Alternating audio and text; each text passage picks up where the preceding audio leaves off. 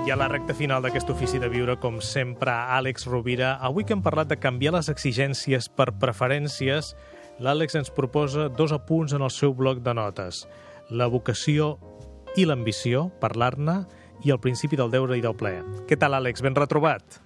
Molt bé, Gaspar. Doncs, efectivament, crec que per tancar el programa d'avui, eh, parlant de les... sobretot enfocant-nos al que és les preferències, eh, recordem l'etimologia de la paraula vocació. La paraula vocació ve del llatí vocare, que vol dir la crida del cor.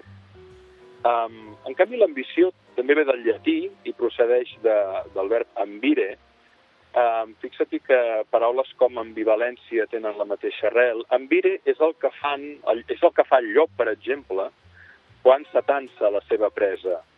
Uh, belluga el cap en dues direccions. Va fent un moviment com mirant per veure on la pot atacar.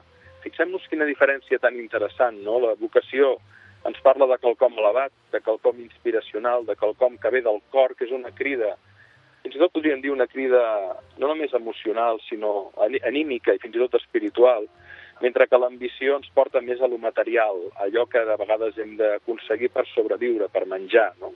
Tot i que de vegades l'ambició se'n pot anar molt més allà i pot pervertir eh, no només la vida d'uns, sinó la vida dels, dels altres, no? quan, el, quan el verí és a la dosi.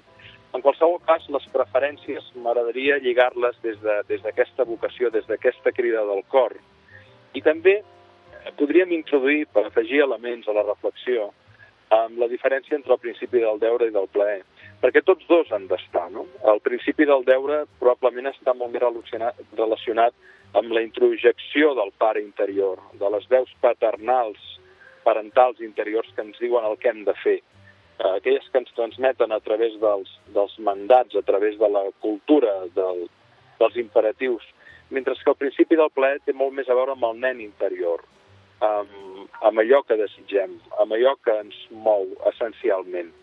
Volia introduir aquests elements perquè té que haver un equilibri entre el principi del plaer i el principi del deure, i no hem d'oblidar que aquests dos han d'anar molt lligats també amb el principi de realitat. És a dir, que les exigències les haurem de complir, però que tinguem en compte el principi de realitat d'escoltar-nos a nosaltres mateixos i d'escoltar el món, d'escoltar el nostre cor, d'escoltar què volem, i d'escoltar allò que ens crida a la vida des de fora i des de dintre, perquè quan ho fem puguem trobar una realització no només individual, sinó amb harmonia amb tots els altres, amb tot allò que ens envolta.